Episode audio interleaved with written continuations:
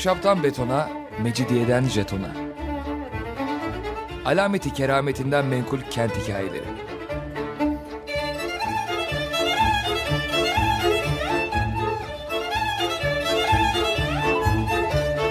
Hazırlayan ve sunan Pınar Erkan.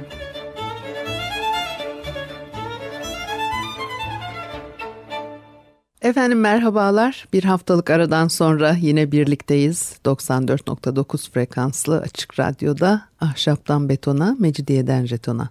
Tam şu anda başlamış bulunmakta. Anlatıcınız ben Pınar Erkan. Elektronik posta adresim pinarerkan.yahoo.co.uk Bakalım bugün programımızda neler var.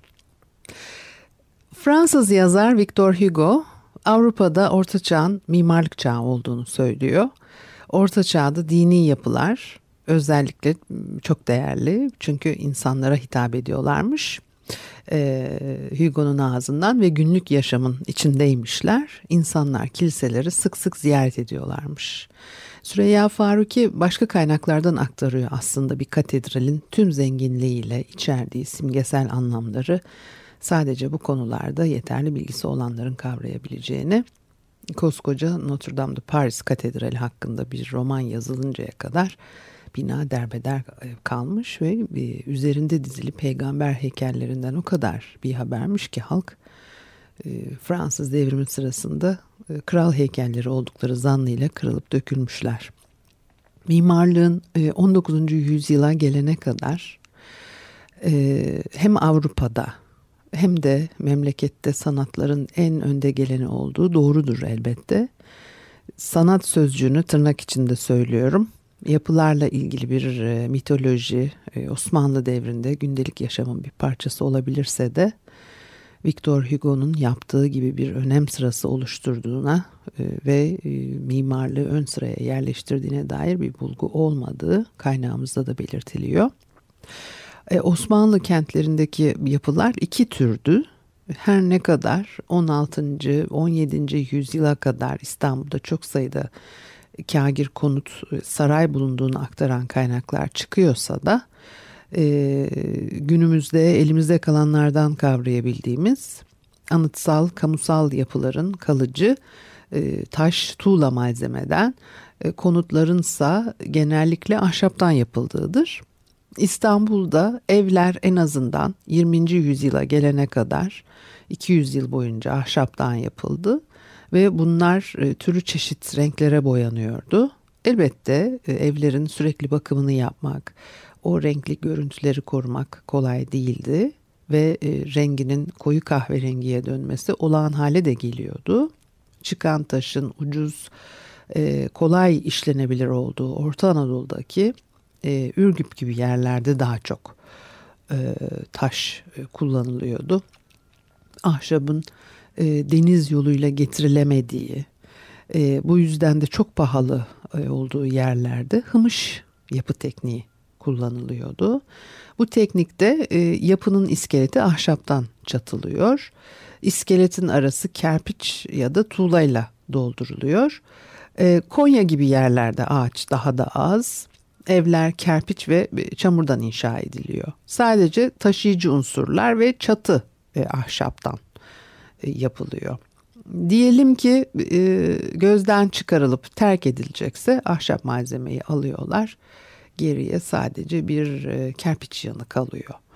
Bazen enteresan durumlar da yaşanıyormuş. Malatyalılar 1838 yılında padişahın emriyle kentlerini ordunun emrine vermek zorunda e, bırakılıyor. Bütün kışı bağ evlerinde geçirmişler. Geri döndüklerinde koca kenti adeta bir yıkıntıya dönüşmüş halde bulmuşlar. Çünkü askerler e, kış boyu ısınacaklar diye evlerin ahşap tavan kirişlerini filan söküp yakmışlar. Hatta bunun üzerine Aspuzu'da bugünkü yeni Malatya kuruluyor e, kamusal ve özel inşaat tarzlarının ne zaman kullanıldığını e, her zaman e, saptamak mümkün değil. E, cami, külliye, medrese, su sebili gibi yapılar padişah ve padişahın ailesinin üyeleri tarafından Hatta memleketin e, herhangi bir yerinde oranın ileri gelenleri tarafından kagir inşa ediliyor. E, makam sahibi bir Osmanlı'nın konağı e, sadece konut olarak hizmet vermiyor. Aynı zamanda e, hükümranlığı da simgeliyor. E, buna karşın iddialı tarz, teknik, e, üslupların kullanıldığı yine de ender. İstanbul'daki ve diğer büyük şehirlerdeki birçok yönetici konağının e, günümüze ulaşmamasının nedeni bu. E, çoğunlukla ahşaptan yapılmışlardır ve muhtemelen bir yangında kül olmuşlardır. E, mimarın kim olduğu da e, kamusal yapılarda bilinebilir. Fakat e, özel yapılarda o da bir muamma. E, 15. yüzyılın sonlarında ve 16. yüzyılda e, padişahlar, valide sultanlar, padişahın kardeşleri, efendim işte yüksek devlet görevlileri yeni yapılar inşa ettiriyorlar tabii sürekli. Ve mimarlar hasta mimarlara ocağında e, yetişiyor. Hamilerinin dikkatini çekerlerse padişaha takdim ediliyorlar. Böylece büyük bir yapı gerçekleştirme olanağı elde etme ihtimali doğuyor. E, arada anlaşmazlıklar, pürüzler de çıkıyor. Mimar Sinan'ın Kanuni Sultan Süleyman'la yaşadığı bazı sorunlar biyografisinde geçiyor. E, Mustafa Sayi'ye e, kendi yazdırmış biyografisini Sinan. E, Kanuni ile değil ama daha önceki baş dönemlerde örneğin e, Yeniçeri komutanı iken henüz e, Prut üzerine kurduğu bir köprü yüzünden vezirlerle sürtüşme yaşıyor. E, Sinan köprüyü korumak için bir de hisar yapılmasına gerek olmadığını söylemiş. Sen hisar yaparsan oraya komutan olarak atanmaktan korkuyorsun demişler. Tabi o zaman sınır boylarında çok daha uzun süre kalması gerekecek. Zaten sonra da askerlikten ayrılıp hassa mimarı oluyor. E, padişahın bunlardan haberi var mıydı bilmiyoruz elbet. Süleymaniye Külliyesi'nin inşası sırasında olan bir vaka var e, bilinen. E, 1550'lerde geçiyor olay.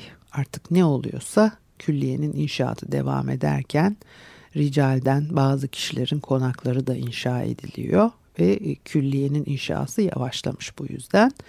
Sinan'ın e, mesleki yeterliliğini sorgulayan dedikodular yürümüş. Caminin büyük kubbesi sağlam değil filan diyorlar. Bu Sinan tembel mi? Duygusal mı nedir diyorlar. E, nitekim e, bir gün padişahın kendisi öfkeyle inşaata e, geliyor. Artık neler söylendiyse ve Fatih'in e, kendi mimarına reva gördüğü sonu ki onun adı da Sinan'dı. E, onun da başına gelebileceğini söylüyor. Faruki der ki bu hikaye ayrıca Kanuni ve saray çevresinin e, Atik Sinan'ı 2. Mehmet'in öldürttüğüne inandığını gösteren bir kanıttır. E, bu tehditkar konuşma üzerine Mimar Sinan camiyi iki ay içinde bitireceğini vaat ediyor. Aklını kaçırmış herhalde diyorlar. İki ayda bitiremez, mümkün değil filan. E, padişah e, kendisine e, sözünü geri alma imkanı da vermiş. Buna rağmen geri adım atmıyor Sinan Sözünü de gerçekten tutuyor ve inşaatı iki ayda bitiriyor. Bu bilgiler e, Sinan'ın Mustafa Sayi'ye kendi yazdırdığı e, biyografisinden e, aktarılmıştır. Sinan'ın nasıl düşmanlarının etkisinde kaldığı, bürokratik entrikalar içinde nasıl zorlandığı kendi ağzından aktarılıyor. Ve Sayi Çelebi'nin bu olayı Kanuni döneminin altın çağ olarak değerlendirildiği bir zaman diliminde aktardığını da hatırlamalı. E, evli kadınlar da e, kendi servetleri üzerinde e, tasarruf sahibi vakıf e, e, kurabiliyorlar. E, üst tabakadan kadınlar e, cami yaptırabiliyorlar. E, Mimar Sinan ilk camilerinden birini bir kadın işveren sayesinde e, e, gerçekleştiriyor ve Osmanlı saray kadınları 14. yüzyıldan beri çeşitli vakıflar kurabilmekteydiler. E, Karaman Hanedanı'ndan biriyle evlenen e, Nefise Melek Hatun e, adına e, Karaman'da bin, e, 1388 yılında yapılan medrese bugün e, hala yerinde duruyor. Tokat, Manisa veya işte Trabzon gibi yerlerde de Sancakbeyli yapmış şehzadelerin annelerinin adını taşıyan camiler bulabilirsiniz. Fakat süreci bilmiyoruz tabii. Bu camileri gerçekten kendileri mi ve nasıl yaptırdılar yoksa başkaları tarafından sadece e, isimlerini yaşatmak ve yüceltmek için mi yapıldılar bilmiyoruz. E, Hürrem Sultan da seviyordu böyle işleri. Mimar Sinan e, Hürrem Sultan için bir cami, bir medrese ve başka binalardan meydana gelen e, bir külliye yapmıştır. Mekke, Medine ve Kudüs'te de onun adına hanlar, imaretler yapılmıştır. Bazısı o öldükten sonra e, yapılmıştır. E, sonraki dönemlerde valide sultanlar sarayda son derece nüfus sahibi ve onlar da bu yolu takip etmişlerdir. Mesela Eminönü'ndeki yeni cami 1598'de e, Valide Safiye Sultan tarafından başlatılıyor. Epey zaman geçtikten sonra 1663'te Valide Turhan Sultan tarafından bitirilmiştir. Bir müzik arası verelim. Ondan sonra devam edelim.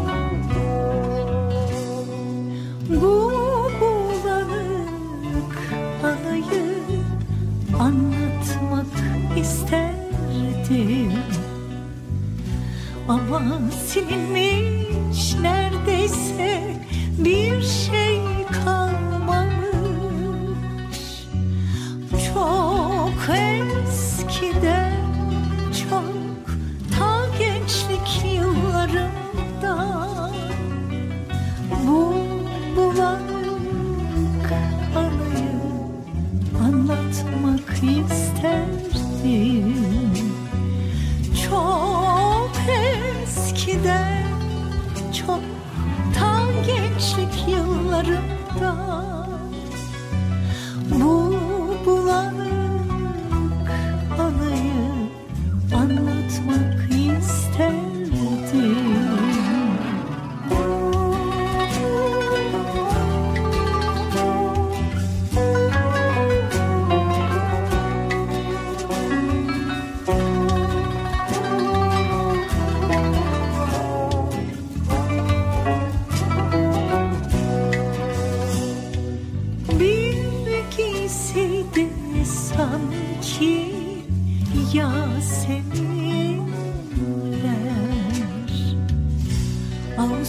olsaydı Ağustos'ta bir akşam Gözlerini hatırlıyorum biraz. Sanırım mavidiler.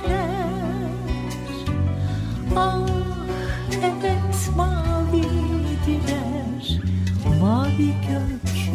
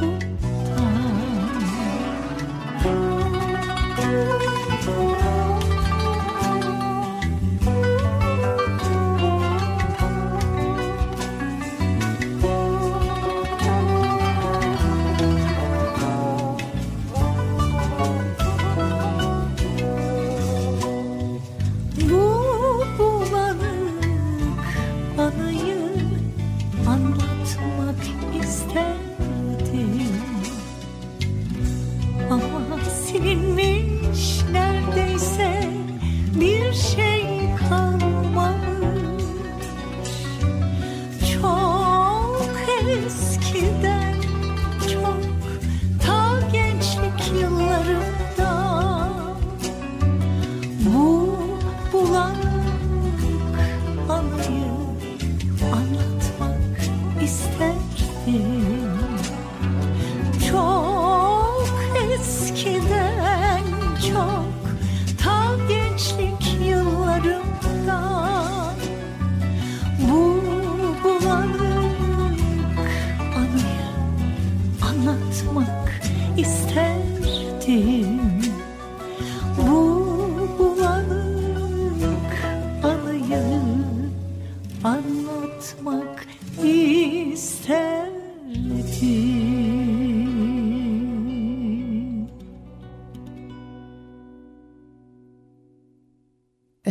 Açık Radyo'da Ahşaptan Betona, Mecidiyeden Jeton'a devam ediyor. Pınar Erkan'ı dinlemektesiniz.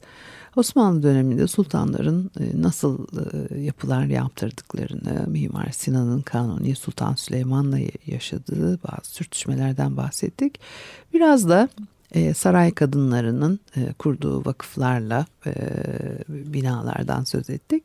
Osmanlı sultanları yaptırdıkları binalara çok ilgi gösteriyorlar. Özellikle Fatih Sultan Mehmet ve Kanuni Sultan Süleyman'ın tutumlarıyla ilgili epey belge vardır e, yaptırılan mimari eserler elbette imparatorluğun üst tabakası gözünde hükümdarın e, gücünü e, pekiştirir. Halk üzerindeki etkisi zaten tartışılmaz. Bu tür büyük yapıları saray yaptırır, ön ayak olur. E, Mustafa Ali diyor ki Kanuni'nin bir yeri fethettikten hemen sonra orada inşa ettirdiği yapılar Kanuni'nin büyüklüğünün kanıtıdır. Ama sonra da diyor ki bir sultanın böyle eserler yaptırabilme hakkı ancak kafirlere karşı yürüteceği savaşlarda zafer kazanmakla elde edilir. Padişah, e, hadi bakalım. Padişah önce e, e, projeyi görmek istiyor. E, bildiğiniz proje hazırlanıyor. Planlar, cephe, görünüş vesaire hatta maketler de e, yapılabiliyor. Ee, Süleymaniye'nin böyle görkemli bir maketi varmış mesela Şehzade Mehmet'in 1582 tarihli sünnet kutlamalarında sünnet alayında böyle bir maketin e, geçirildiği bilinir. Ayrıca hazine inşaatın bir ön keşfinin yapılmasını iş, istiyor. E, keşif belgeleri, plan ve cephe çizimlerinden daha iyi korunuyor. Keşif belgelerinde taş, kurşun, tuğla gibi malzemelerin miktarı ve fiyat dökümü listeleniyor. Gerekli iş günü sayısı kaç usta, kaç kişi çalıştırılacak tabii masrafı çıkaracaklar. Ee, bazen de kaça mal olacağını kestiremeyebiliyorlar galiba. O zaman e, önden başlayıp inşaata bir tahminde bulunuyorlar. Örneğin Mekke'deki Harem-i Şerif'te e, bu yol izlenmiş. Önce revak kubbelerinin bir bölümü yapılmış. Toplamda 400-500 adet e, yapmayı düşünüyorlar e, kubbelerin ve tabii kaça e, çıkacağını hesaplıyorlar. Artık masraflı mı buldular neyse sonuçta sadece 152 kubbe e, yapılmıştır. İnşaata başlamadan önce sipariş sahibinin arsayı hazır etmesi gerekiyor. Çünkü e, vakıf kurucuları hayır işlemek için bina yaptırıyorlar. İnşaatla ilgili her şeyin helal yoldan e, temin edilmiş olması gerekiyor. Tarihi Yarımada içinde 16. yüzyılın ortalarında çok sayıda e, vakıf yapısı var zaten. Yenisini yaptırmaya kalkarsanız e, yer yokluğundan vesaire arsa değiş tokuşuna gitmek gerekebiliyor ve uzun işler üstelik maliyetli e, pahalılanıyor tabii e, arsalar filan. O nedenle şehir dışında daha tenha yerlerde örneğin Üsküdar'da yaptırıyorlar binaları. 16. yüzyılın ikinci yarısında böyle böyle vakıf sayısı arttıkça Üsküdar kalabalıklaşıp İstanbul'a dahil oldu. E, nakliye masrafları yüksek. Marmara Denizi'ne yakın taş ocaklarını tercih ediyorlar. Küfeki taşı buradan geliyor. Marmara Adası'ndan mermer geliyor. Taş blokların gemilerle taşınması o kadar eziyetli ki e, tıpkı savaş gemilerindeki kürek mahkumluğu gibi ceza olarak yaptırılıyormuş bu iş. Zor yerlerde daha doğrusu ulaşımın zor olduğu yerlerde bina yaptırmak da sultanların saygınlığını arttırıyor. Süleymaniye'nin inşası sırasında merkezi kubbenin altına iki yana yerleştirilecek dört büyük sütundan üçü çok uzaktan e, getirtiliyor. Suriye'deki Baalbek'ten bir diğeri Mısır'dan. Öyle ya bugün de tam Mısır'dan getirtmiş diyoruz. Nasıl yapmışlar filan diye gözlerimizi açıyoruz. E, büyük paralar e, harcanarak uzak yollardan nakledilen inşaat malzemeleriyle E, bir taraftan Kanuni'nin imparatorluğunun büyüklüğü gösteriliyor. Bir taraftan da sultanın gücünün yettiği teknik olanaklar sergilenmiş oluyor. Sadece Osmanlı'ya özgü şeyler değil bunlar. Roma'da Papa'nın St. Pietro Bazilikası'nın avlusunda da dikili taşın anlamına da bakmak lazım. Ve ahşap sevdası da bitmez. E, anıtsal yapıları taştan inşa ediyorlar. Elbette kapısı, penceresi, doğraması, kirişi, putreli ahşaptan. E, Osmanlı 1517'de Mısır'ı fethettikten sonra Kahire'de inşaat kerestesine talep artmış. E, Orta Çağ'da Kahire'de konaklar, saraylar hep kagirden imal. E, Osmanlı buraları aldıktan sonra ahşaba bir merak çıkmış. E, Mısır üst tabakası zengin nakışlı ahşap tavanlara e, rağbet etmeye başlamış. Faruki e, ahşap Osmanlı fatihlerinin itibar ettikleri yapı formuydu. O nedenle ahşap tavan kaplaması hızla e, yaygınlaştı diyor. E, Mısır'da ahşap az bulunan bir şey. E, o da kıymeti arttıran bir etken olmalı. Anadolu'dan kaçak kereste getiriyorlarmış. E, saray e, memleketteki ahşabı özellikle İstanbul'da kullanmak istiyor. Bunun için kısıtlamalar getirmiş. Tersanede inşa edilecek gemiler için ahşap çok önemli bir malzeme. E, demir ve kurşun da sıkıntılı malzemeler olarak geçiyor. Demiri taş blokları birbirine kenetlemek için pencere parmaklığı yapımında kullanıyorlar. Kubbelere de ve başka bir takım yerlerde demir gergi çubukları veya strüktürel eleman olarak kullanılabiliyordu muhtemelen. Kurşunla da kubbe ve tonozların üstünü kaplıyorlar. Uzaktan bakıldığında çatılarda, kubbelerde kurşun kaplamalar göze güzel bir manzara sunarlar. Kurşunu Balkanlarda çıkarıyorlar başta. 16. yüzyılda Amerika'dan gelmeye başlıyor. Ee, doğada çoğunlukla e, gümüşle birlikte bulunuyor kurşun ve Amerika'dan gelmeye başlayınca Akdeniz'de ucuzlamış. O zaman Balkanlardaki madenleri işletmek karlı olmaktan çıkmış. 17. yüzyılda kubbeleri kimi zaman ithal kurşunla kaplar olmuşlar. Özel yapılarda gerekli olan demiri e, çoğunlukla Bulgaristan'dan sipariş ediyorlar e, Süleymaniye gibi büyük programlar e, gerçekleştirileceği zaman e, Osmanlı hazinesinden yüksek fırın sahiplerine ön ödeme yapılıyor. E, kapasitelerini arttırsınlar diye. Hangi işletmeye kredi verileceğini de yerel kadılar saptıyormuş. E, diyelim ki fırın sahibi parayı aldı ama siparişi göndermedi. Onun da e, maddi sorumluluğu kadıda oluyormuş. Çok sıkıntılı iş. Ee, Osmanlı'da yapılar üzerine e, kuramsal kaynak da yok. E, Cafer Efendi Sultanahmet Camii ile ilgili bir şeyler yazmış.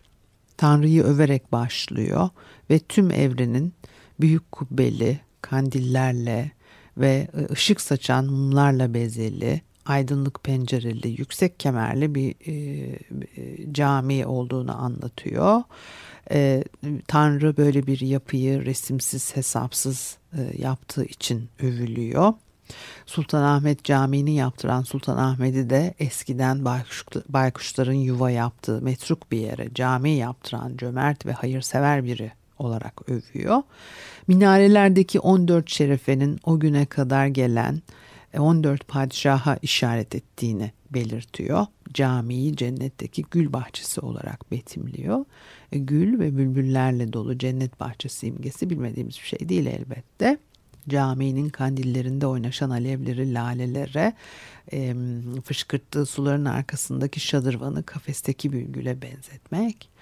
E, Cafer Efendi'nin e, Bahariye adlı şiirinde geçiyor bunlar. E, yüksekteki hünkâr mahfilini bir çınarın iki yanı açılmış dalları gibi görüyor. Sütunlarda hurma ağaçlarıymış. Evliya Çelebi de Viyana'daki St. Stefan Katedrali'ni anlatmış. Rum, Arap Acem'de böyle bir bina inşa olunmamıştır diyor. Bunun içine tabii herhalde Osmanlı'yı da dahil etmiş oluyor. Kiliseyi güya 16 sütun taşıyormuş ve bunlar az bulunur madenlerden yapılmış. kilisenin e, para ve kitap olarak zenginliğini göklere çıkarırken tonozların ışıldayan mozaikle kaplı olduğunu söylüyor. İstanbul'daki Bizans kiliselerinden esinlenmiş olmalı. E, katedralin orgunu da övgülere boğuyor. Avrupa'daki müzisyenlerin koruyucu güzel sesli Davut peygamberinden söz ediyor. E, ve katedraldeki resimleri de pek beğenmiş. Evet, bugünlük de bu kadar olsun. Haftaya görüşene kadar hoşçakalınız.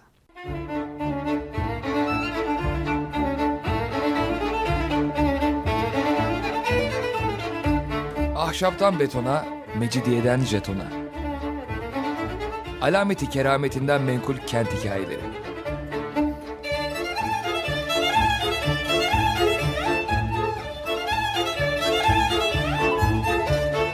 Hazırlayan ve sunan Pınar Erkan.